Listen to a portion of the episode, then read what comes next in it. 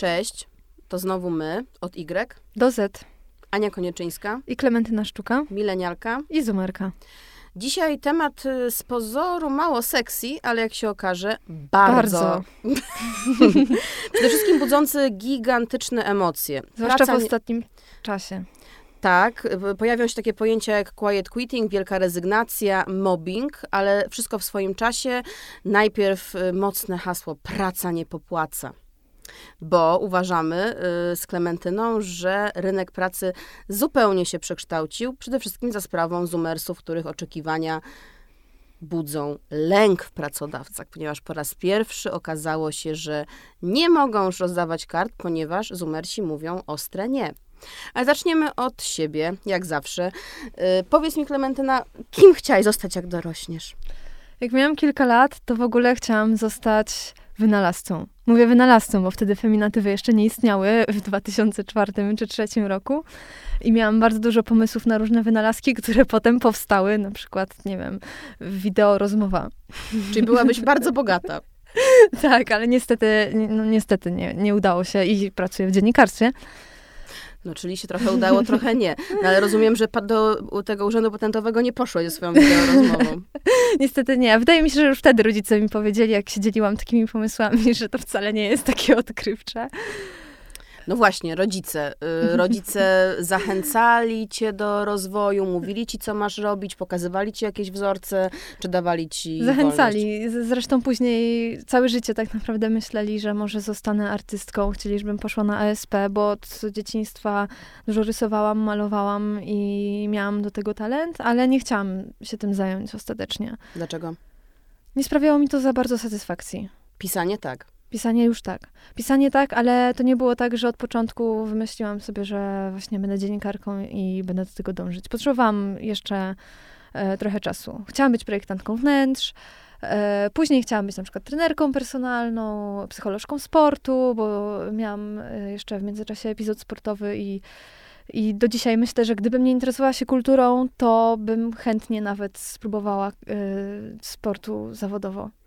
Czyli już teraz widzę, że to mozaikowe myślenie jest y, fajnie wpisane w twoje pokolenie, czyli dawałaś sobie różne możliwości. To nie było tak, że się zamykałaś, tylko raczej wierzyłaś w to, że możesz podążyć którąś y, z dróg. Tak, i moje zainteresowania się zmieniały też y, w międzyczasie, bo na przykład na etapie gimnazjum i trochę liceum interesowałam się bardziej jakimiś takimi ścisłymi przedmiotami. Później wróciło do mnie y, zainteresowanie przedmiotami humanistycznymi, raczej językiem polskim. I potem była gazetka szkolna. Gazetka szkolna, co ciekawe, była na etapie y, zainteresowania ścisłymi przedmiotami. Ja wtedy bardzo nie lubiłam polskiego i nie miałam szacunku w ogóle do tego przedmiotu, przyznaję. Ale potem była też muzyka. Tak, a muzyka była w międzyczasie. Zaczęłam się właśnie na etapie gimnazjum jakoś nią bardziej interesować i jakoś potem mi się to skleiło w całość. Yy, I tak, i poruszyłaś temat gazetki szkolnej. To była naprawdę super inicjatywa. Bardzo dużo się też wtedy nauczyłam. I właściwie trochę zaniedbywałam naukę po to, żeby się tą gazetką zajmować, bo to mi przynosiło właśnie jakąś radość, spełnienia, a większość przedmiotów w szkole wydawała się w ogóle niepotrzebna i, i bezużyteczna. No ale miałaś trochę łatwiej i trudniej, bo twoja mama jest dziennikarką, więc wiedziałaś, czym to Tak. się je i też wiedziałaś, jakie są ryzyka z tym związane. Tak. Tak, i, i, i to, że y, moja mama jest dziennikarką, bardzo mi też pomogło. W sensie nie na zasadzie może kontaktów, ale mm, podpowiedzi, y, feedbacku, moich pierwszych tekstów. Ja I feedback też, mo- e, i też też dostawałam. motywacja. Nie zapomnę nigdy feedbacku mojego taty, który y, na wypracowaniach, jak miałam 8 lat, kreślił mi na czerwono i pisał, że on by to inaczej ujął. Więc kocham mojego tatę za to bardzo, ponieważ no, między innymi dzięki niemu jestem tutaj, gdzie jestem, ale feedback rodzicielski może mieć różne oblicza. Ja wiedziałam, że będę pisać, czy też robić coś w mediach, nie znałam tego słowa oczywiście, ale w mediach od pewnie tego ósmego roku życia, kiedy napisałam to pierwsze opowiadanie o w dalszych losach koziołka Matołka. E, Myślę, że zaginęło w mrokach dziejów i, i, i bardzo dobrze, ale mm, ta moja wizja tego zawodu była też dosyć mocno popkulturowo No cóż, y, zmotywowana, bo, bo wtedy już pojawiały się powoli takie rzeczy jak ja ubiera się u Prady, czy w ogóle w moim domu pojawiały się wogi i, i myślałam sobie, że to będzie trochę inaczej wyglądało. Myślałam sobie, że to będzie jednak chodzenie na tych szpileczkach do, do pięknego biura y, w szklanym wieżowcu. Trochę chyba nie wiedziałam, że w Warszawie, aż tak jak w Nowym Jorku, y, ze szkła się wszystkiego nie buduje, e, ale w każdym razie y, to jest też ciekawe, że jakby w ogóle nie myślałam w kategoriach tego, ile zarobię, jak się przebić, y, z kim będę musiała porozmawiać, tylko raczej to było takie marzenie, które mm, pewnie wiele dziewczynek miało i to, że mi się akurat udało je spełnić, to to jest taki właściwie fart. Y, nie wiem, dlaczego akurat ten algorytm życia sprawił, że, y, że mi się udało, bo na pewno nie byłam osobą, która planowała wszystko z jakąś taką chirurgiczną precyzją. I to jest też moje pytanie do ciebie, czy, mm, czy u was, y, u Zoomersów, jest tak, że się myśli o pracy w kategoriach realnych, w sensie co muszę zrobić, gdzie muszę wysłać CV, do kogo się odezwać, czy się myśli o tym racjonalnie, czy to właśnie jest takie, a rzucam się na moje marzenie, może się uda. Myślę, że dużo osób nie wie do końca, czym chciałoby się zajmować ostatecznie. Czyli że to my, jest płynne. Tak, że my raczej odkrywamy. Wprawdzie, no, y, mój case jest trochę inny, bo ja już idąc na studia wiedziałam, że chcę się zajmować dziennikarstwem. Już jakby powiedzmy moją pierwszą pracą, no to był portal non-profit, więc, y, więc nie do końca to była praca. Mm, podjęłam ją w klasie maturalnej, i potem pierwszy bezpłatny staż, potem y, już pracowałam y, za pieniądze, y, odbyłam po maturze zaraz. Niesamowite, czyli miałaś 19 lat i już tak, poszłaś w życie zawodowe. Mniej. Zanim tak. byłaś studentką, byłaś już pracownikiem. Tak. Oczywiście te pieniądze były śmieszne z tej perspektywy, ale, ale tak. Bardzo, no ale pieniądze, rozumiem, nie były motywacją wtedy. Nie były. Nie były, no bo też y, nie myślałam w takich kategoriach, że nie wiem, muszę się utrzymać. Jakby to, co zarobiłam, po prostu sobie mogłam odłożyć czy, czy wykorzystać w inny sposób.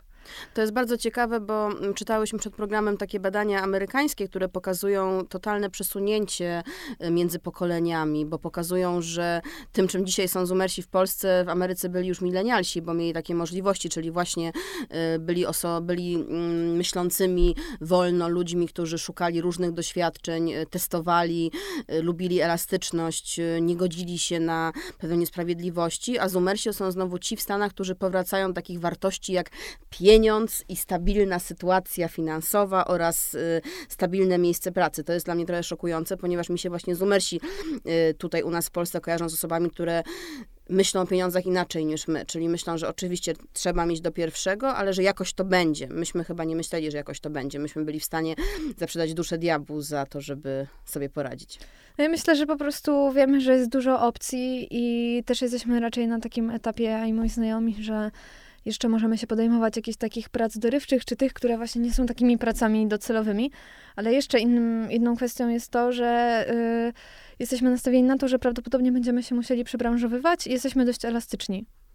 Tak, ja myślę, że w ogóle elastyczność to jest y, słowo klucz i myślę, że u was y, jest ta pewna łatwość, bo jest to założenie elastyczności, a u nas to jest taki rodzaj reality check i y, trudnej konfrontacji ze ścianą, że się okazało, że będziemy musieli zdobyć się na elastyczność, na to przebranżowienie, bo, bo jeszcze z domu wynieśliśmy takie przeświadczenie, że do śmierci właściwie będziemy mieli jakieś jedno stanowisko. Tak żyli nasi rodzice, tak żyją nasi rodzice y, często do dzisiaj.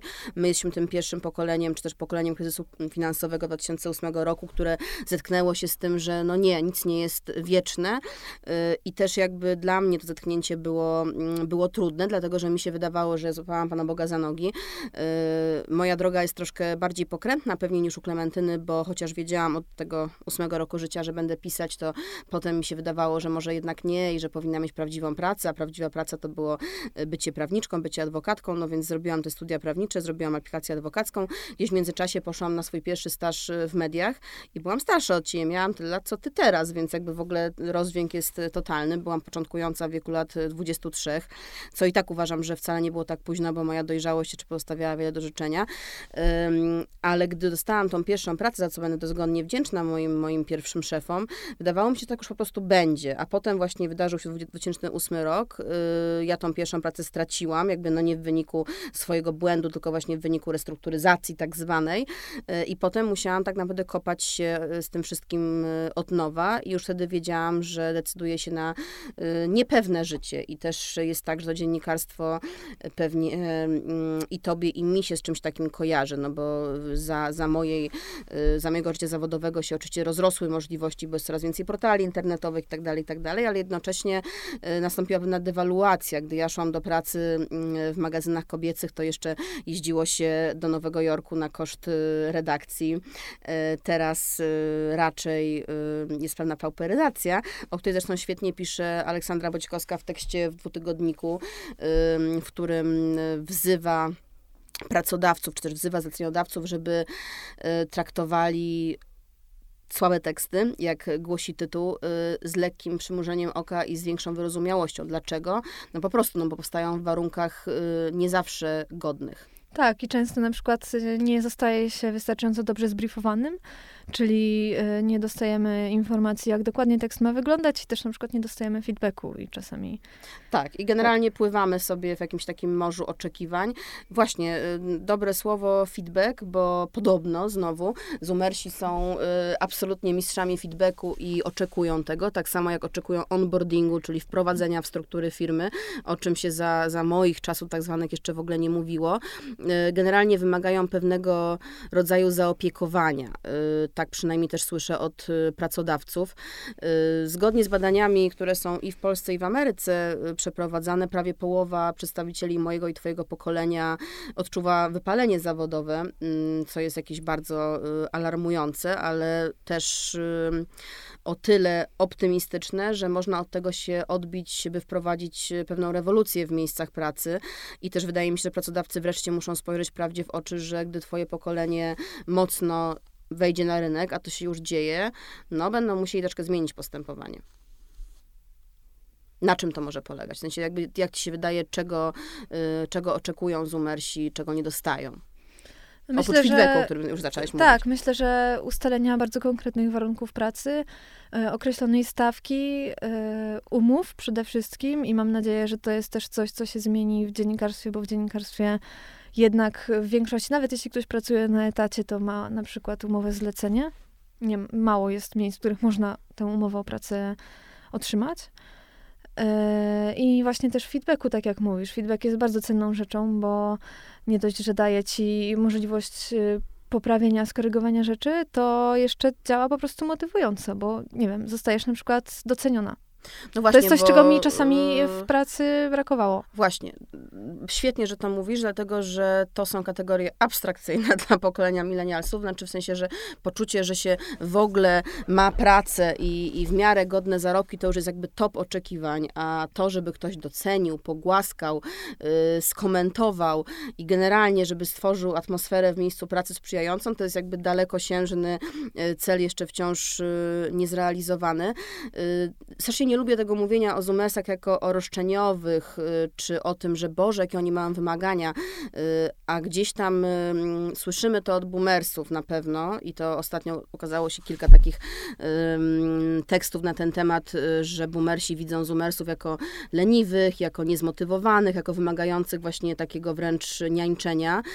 Milenialsi są gdzieś tutaj po środku, bo patrzą jeszcze z tym na tych boomersów troszkę z lękiem, na tych swoich szefów boomersów, a już z lekkim podziwem na Zumersów, którzy potrafią powiedzieć, y, nie, ja tego nie akceptuję. Y, podczas gdy milenialsi często byli obserwatorami niedopuszczalnych y, sytuacji w pracy, takich jak, jak chociażby mobbing czy molestowanie, nie wszyscy mieli odwagę, żeby głośno o tym mówić. Zumersi tutaj się już.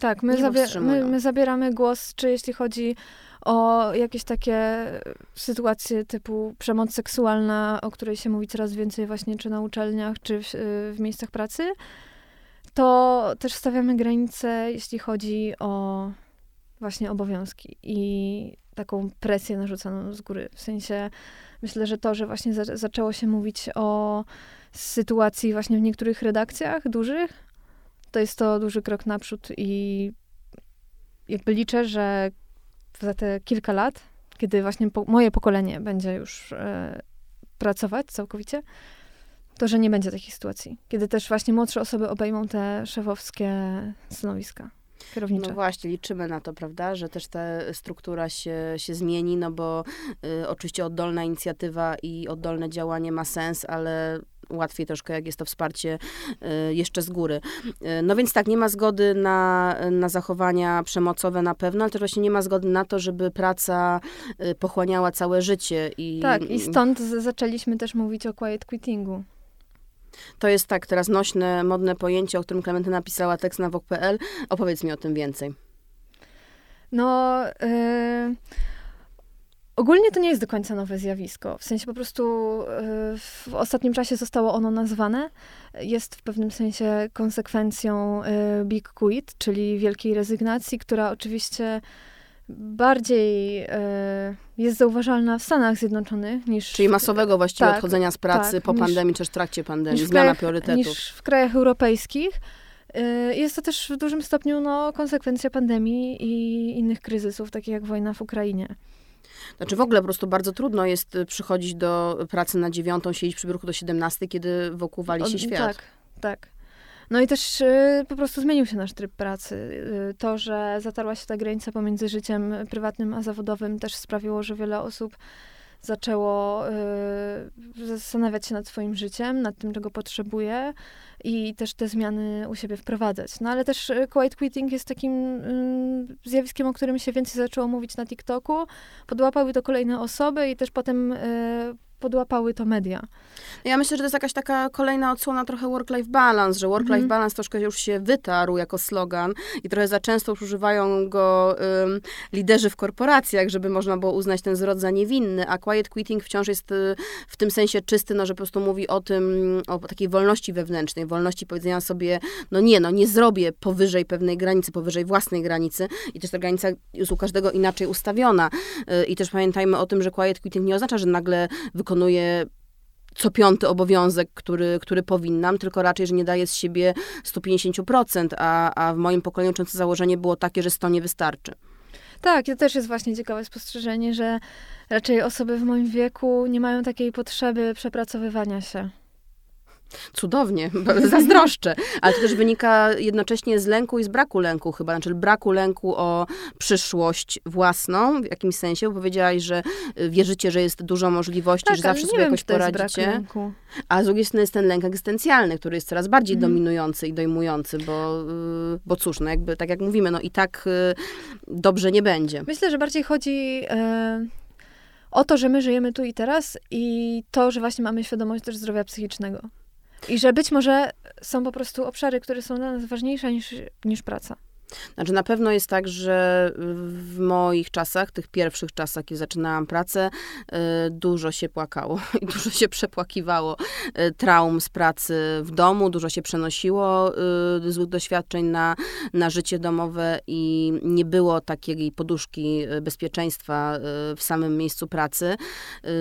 Mobbing oczywiście był na, na, na porządku dziennym, ale też przede wszystkim właśnie to, ta presja, o której mówisz, czyli presja rezultatów, presja tabelek, presja norm, norm, jakby wszystko było podporządkowane y, standardom bardzo wyśrubowanym i nie brało się pod uwagę y, indywidualnych kompetencji, ale też indywidualnego samopoczucia, czy nawet dnia, bo też y, widzę po moich kolegach młodych zoomersach w pracy, że też po prostu pozwalają sobie zwyczajnie na słabszy dzień.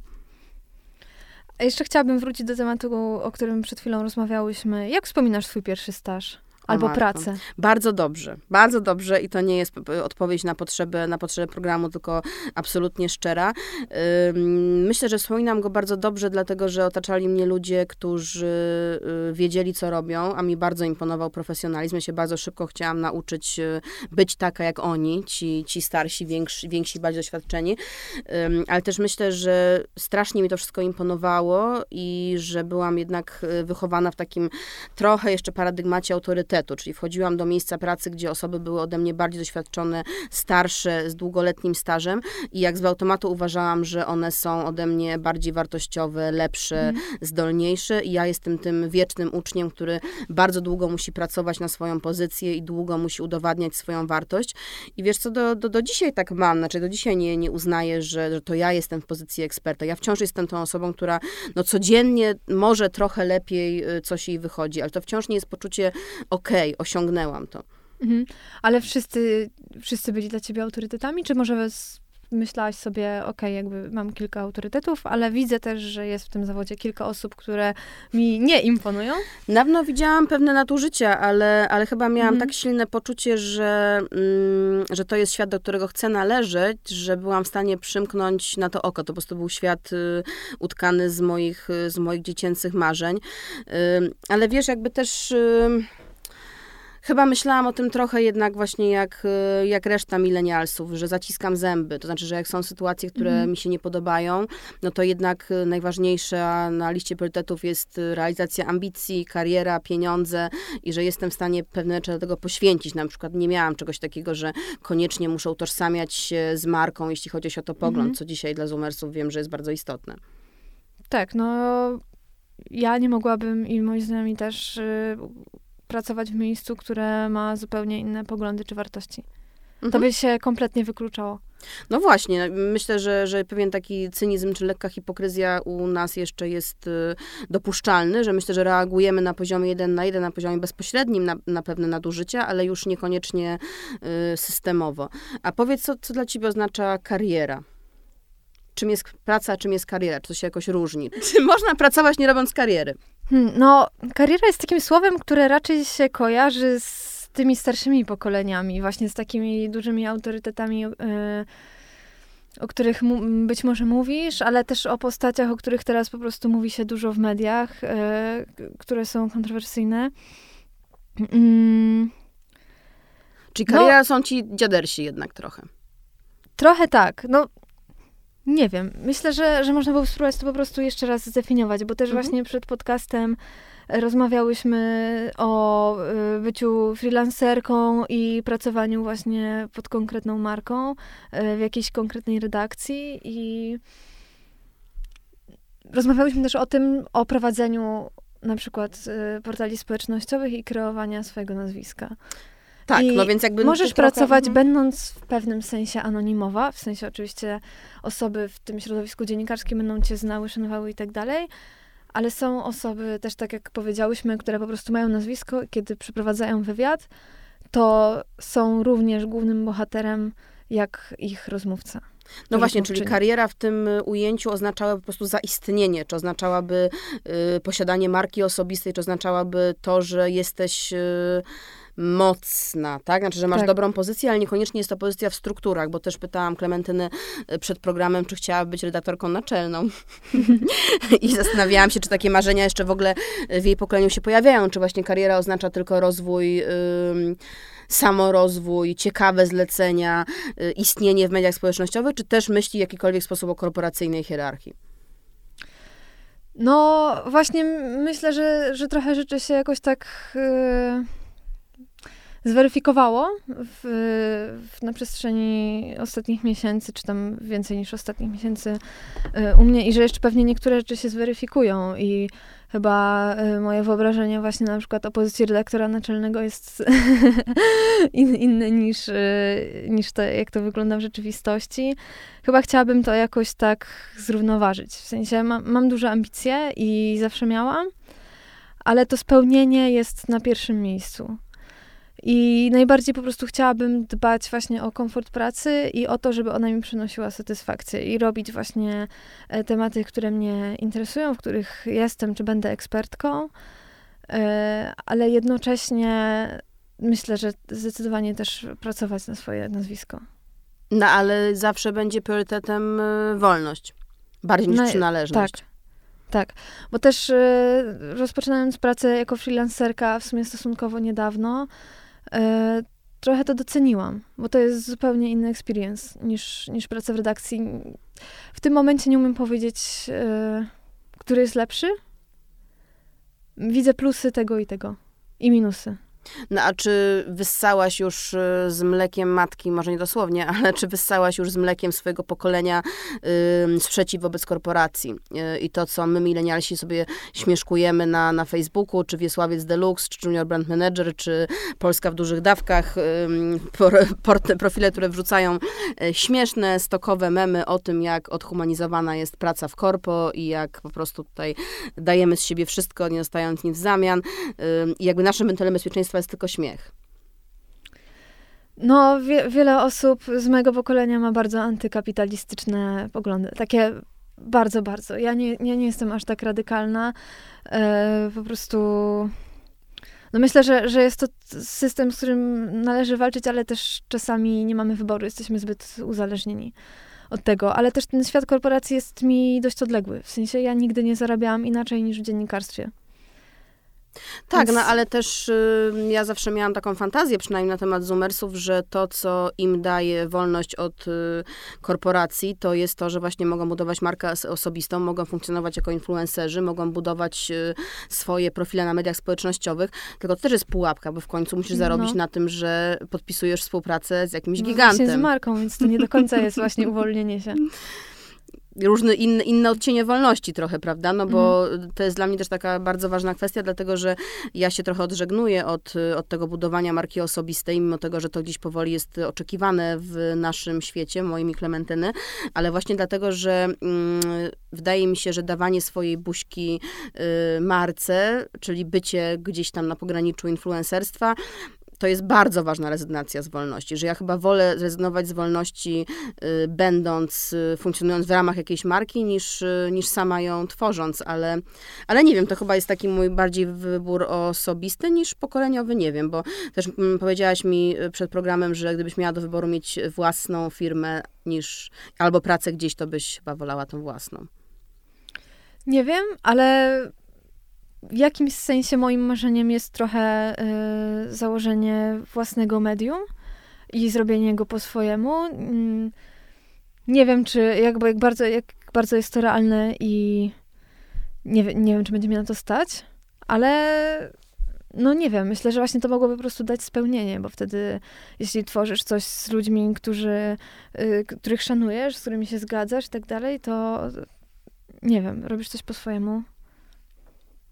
Tak, znaczy to chyba jest też, y, to chyba też byłoby moje marzenie, czy, czy, czy jest moje marzenie, ale, ale znowu jakby tu jest kwestia autorytetu, bo, bo chyba nie poważyłabym się na to, nie odważyłabym się, mhm. pomyślałabym, że, y, że nie mam wystarczających kompetencji y, ku temu i możliwe, że w ogóle takie wzrastanie w strukturze hierarchicznej w miejscu pracy, o której milenialsi byli przyzwyczajeni, gdzieś nas pozbawia takiej pewności siebie w kreowaniu czegoś własnego, ale też y, myśmy byli doświadczeni ciężko przez tak zwaną bańkę startupową, której ty pewnie już troszkę nie zaznałaś, w każdym razie mogłaś to dziś obserwować z zewnątrz, a, a myśmy to obserwowali na własnej skórze, dlatego że sporo naszych znajomych, którzy nie chcieli iść do korpo albo, albo zrezygnowali z korpo, zakładali własne startupy, dostawali jakieś dofinansowania, a potem to y, z hukiem padało, ponieważ się okazywało, wracając do tematu wynalazcy, wynalazczyni, którą chciałaś być, że nie wszystkie pomysły da się zmonetyzować monetyzować.